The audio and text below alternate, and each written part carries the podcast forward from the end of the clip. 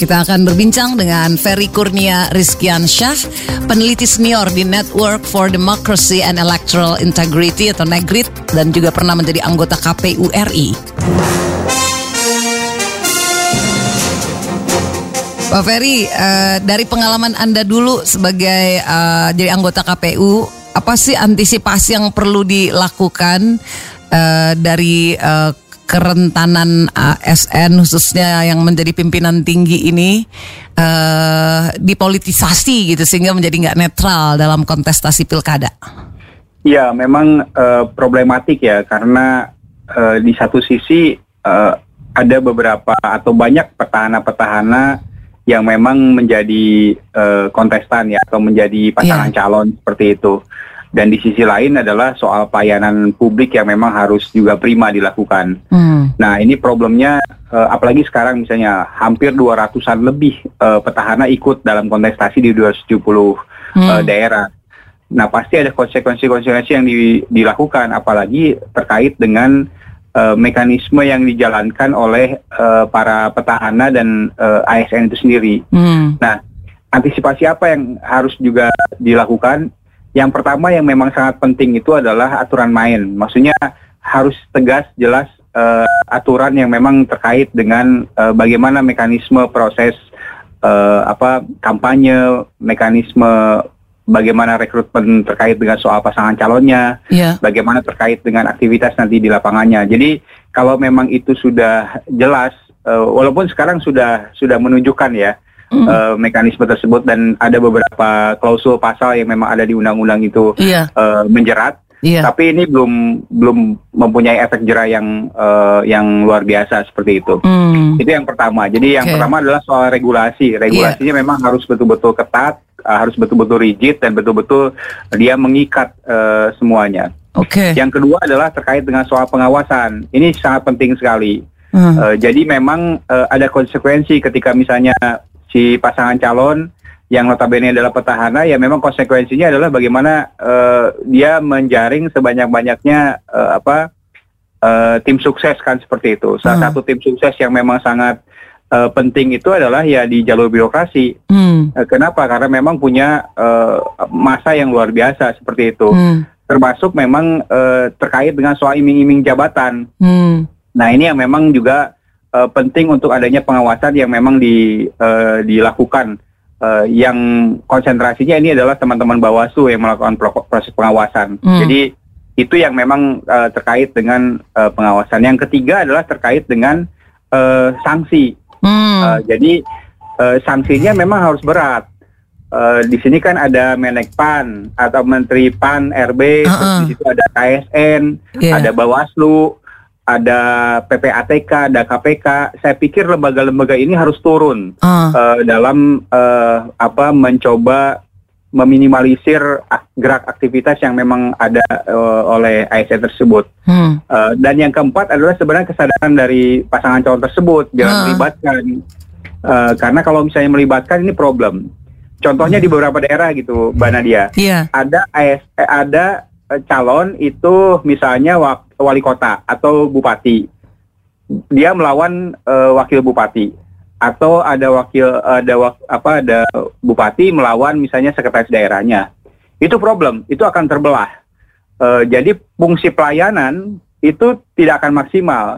Semuanya akan diorientasikan uh, ke pilkada seperti itu. Hmm. jadi kasihan masyarakat kan masyarakat akan uh, tidak tidak mem, apa tidak uh, merasakan aktivitas proses pelayanan yang ada hmm. bahkan ujung-ujungnya efeknya adalah masyarakat akan digiring hmm. uh, ke mana dia akan lakukan. Jadi saya pikir uh, empat poin itu yang sangat penting untuk hmm. uh, apa mengawal proses yang ada. Selain misalnya kedirian dari petahana itu sendiri untuk tidak melibatkan serta merta uh, ASN-ASN yang yang ada. Di dalam tim suksesnya ataupun tim-tim uh, sukses yang terselubung misalnya seperti itu. Iya iya kesadaran dari paslon tadi ya. jabatan, uh, jabatan kalau iya. dia ini Iya. Dan kalau juga dia tidak mendukung ya siap-siap di, dia dipindahkan. Uh, itu kayak intimidasi ya, tapi setelah halus. Iya, itu yang memang juga uh. perlu menjadi uh, perhatian lah dari uh. dari para pihak, termasuk misalnya uh, ada regulasi yang ketat misalnya dari uh -uh. Uh, apa pemerintah terutama Pan RB misalnya ataupun Iya. eh, apa dari KSN terkait dengan soal Pengawasan ya. Kalau Iya. pengawasan seperti KPU dan Bawaslu dalam ranah ini perannya bagaimana? Eh, selama ini kan kalau misalnya dalam konteks eh, aktivitas kampanye yang memang punya otoritas eh, melakukan proses pengawasan itu adalah teman-teman Bawaslu. Ah, Jadi Bawaslu yang punya otoritas dan dia eh, melakukan berbagai eh, apa mekanisme yang preventif dan represif lah seperti itu. Kalau misalnya preventifnya kan pasti ngeluarin edaran terus ngelu- apa eh, penghimbauan dan eh, Ah. hal-hal yang memang menjadi penting untuk diinformasikan kepada para ASN.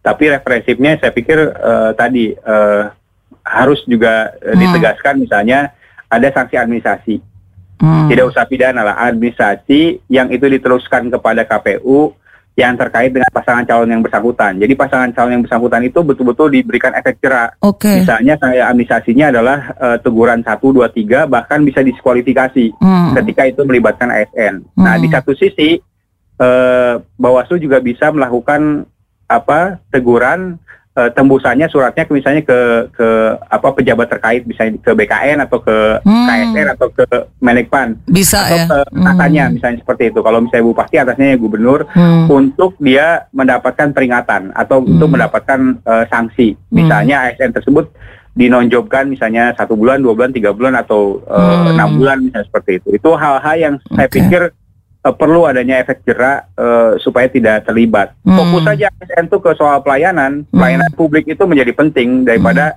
Hmm. eh, aktif di di apa di eh, apa kayak semacam pilkada yang ada. uh, uh, kampanye, melakukan kampanye diam-diam gitu ya. Tapi berarti di sini peran Komisi Aparatur Sipil Negara KSN itu uh, seberapa signifikan nih, seberapa besar?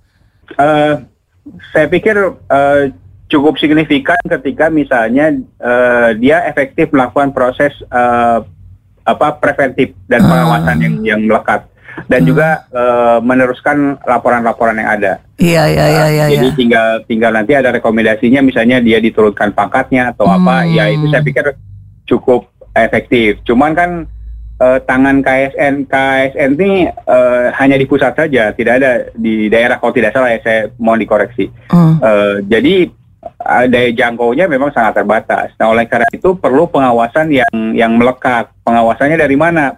Tidak hanya institusi Bawaslu yang harus melakukan proses pengawasan, Hmm. tapi masyarakat, pemantau, eh, apa rekan kerjanya bisa jadi saling intip gitu kan Aha. eh, untuk untuk memberikan pengawasan dan ujung-ujungnya memberikan efek jerah terhadap yang bersangkutan gitu kan. Ah, oke oke berarti civil society juga penting nih, ya, Ya. ikut serta ya. Ya. Nah kemarin itu kan eh, Pak Ferry kemarin itu kan eh, ada laporan data dari KSN kan eh, eh, bilang jabatan ASN yang melanggar eh, jabatan pimpinan tinggi itu oh 36% paling besar tuh. Terus yang fungsional 17%, administrator 13% gitu. Yang melanggar ya. Nah, pimpinan tinggi berarti mencakup sekretaris daerah, kepala dinas dan asisten sekretaris daerah. Ya, dia eselon 2, eselon 1 itu. Gimana kita bisa memaknai data data ini?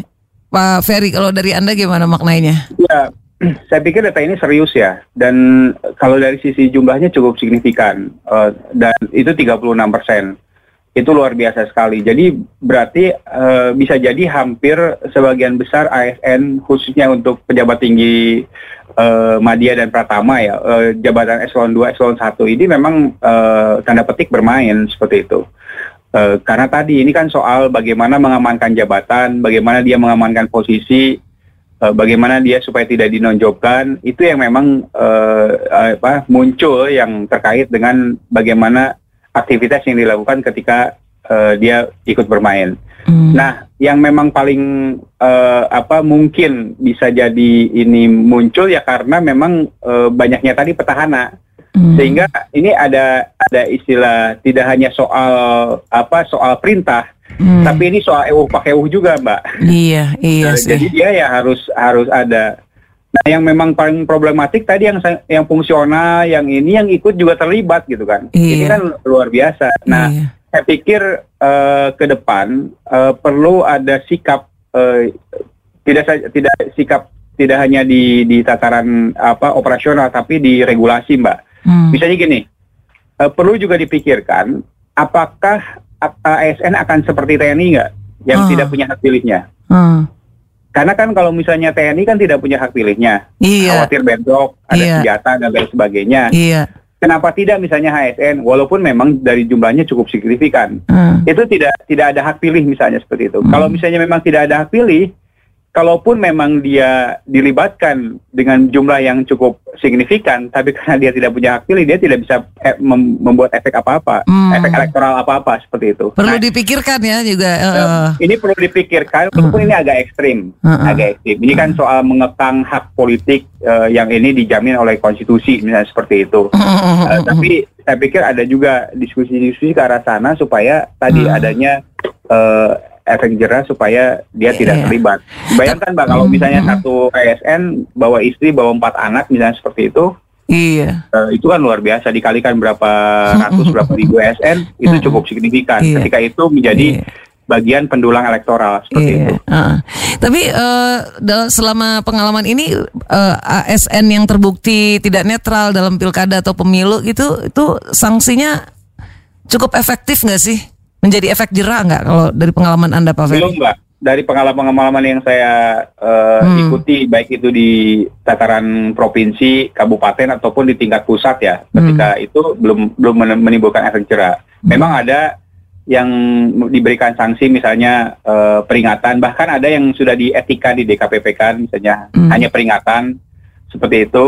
eh, tapi itu juga tidak memberikan efek jerah. memberikan efek jerah ya? Hmm. Betul. Jadi, Eh, saya pikir eh, penguatannya adalah tadi bagaimana Iya. eh, membuat regulasi yang memang lebih Iya. eh, komprehensif dan lebih Iya. eh, ketat ya dalam. lebih jelas. Ya. Nah eh, dan selama ini juga kan Pak Ferry ini terakhir ya kita tahu dalam setiap kali gelaran itu kan selalu ada inisiasi gerakan netralitas ASN gitu ya. Tapi ternyata seolah seremonial belaka ya karena dibaliknya tetap ada ya oknum-oknum yang main gitu ya. Ya, tetap aja. Tetap Walaupun aja ya. misalnya undang-undang pemilu atau pilkada itu menyebutkan misalnya eh, syarat pencalonan kepala daerah itu eh, dia mundur dari TNI, dari ASN, dari polisi itu ada. Terus misalnya dalam konteks kampanye itu eh, dilarang, misalnya dilarang untuk melibatkan eh, para pejabat BUMN, BUMD, aparatur sipil negara, kepala desa itu dilarang. Tapi tetap saja ada yang memang eh, bermain. Bahkan misalnya eh, gubernur, bupati, wali kota yang eh, mencalonkan itu dilarang melakukan pergantian pejabat enam bulan sebelum tanggal penetapan calon. Itu udah ada. Eh, walaupun memang ada klausul berikutnya misalnya atas persetujuan menteri boleh, atas tapi atas persetujuan menteri. Hmm. Terus ada lagi yang memang dilarang membuat keputusan yang menguntungkan merugikan. Memang Mm-mm. eh, dari sisi aturannya sudah sudah Oke. ada, tapi memang problemnya adalah bagaimana eh, ini misalnya di bawah tanah itu bergerak. Eh, Di bawah tanah. i- Iya, maksudnya yang tidak tampak gitu Iya, kan, oleh kita itu bergerak. Nah, oleh karena itu Bawaslu perlu Baik. eh, betul-betul punya eh, punya eh, cara upaya untuk melakukan pengawasan terhadap eh, netralitas ASN. Mm, mm, Eh, mm. misalnya eh, bagaimana mekanisme-mekanisme yang dilakukan Hmm. oleh Bawaslu dengan eh, sistem informasi, misalnya lewat eh, smartphone dia ada foto dia kirim ke ini. Ah, harus Walaupun ada akses itu. undang-undang A- Hmm. Iya, undang-undang ASN juga undang-undang kalau tidak salah undang-undang 5 ya. Mm-mm. Itu juga menyebutkan soal netralitas dan bebas intervensi tetap saja. Ini Oke. kan soal bagian soal ini kan soal hidup dan soal penghidupan. iya makanya memang eh, nanti juga ke depannya mudah-mudahan aja bisa pada sadar itu ya kita pakai cara-cara yang makanya. main bersih cantik tapi bersih gitu ya Betul. Jadi Aha. kita berharap bahwa Iya. proses eh, ini adalah kompetisi yang sehat. Yes. Kalau kompetisi yang sehat dari mulai mekanisme rekrutmen politik mencalonkan pasangan calon dan melibatkan orang-orang yang memang akan akan beri- berkontestasi di dalamnya betul-betul harus sehat, harus sesuai dengan mekanisme yang ada. Jangan Yes. sampai melibatkan eh, fungsi-fungsi yang lain walaupun sebenarnya fungsi-fungsi itu adalah fungsi-fungsi pelayanan publik, fungsi-fungsi yang Iya. lain gitu kan. jangan sampai Nah, ini yang baik lah memang harus, Mhm. dikuatkan. betul baik terima kasih banyak Pak Ferry Kurnia terima kasih Baik, Mbak Dani- Mbak Dania. Iya, demikian Mitra Idol peneliti senior di Network for Democracy and Electoral Integrity yang juga pernah menjadi anggota KPU RI Ferry Kurnia Rizkiansyah.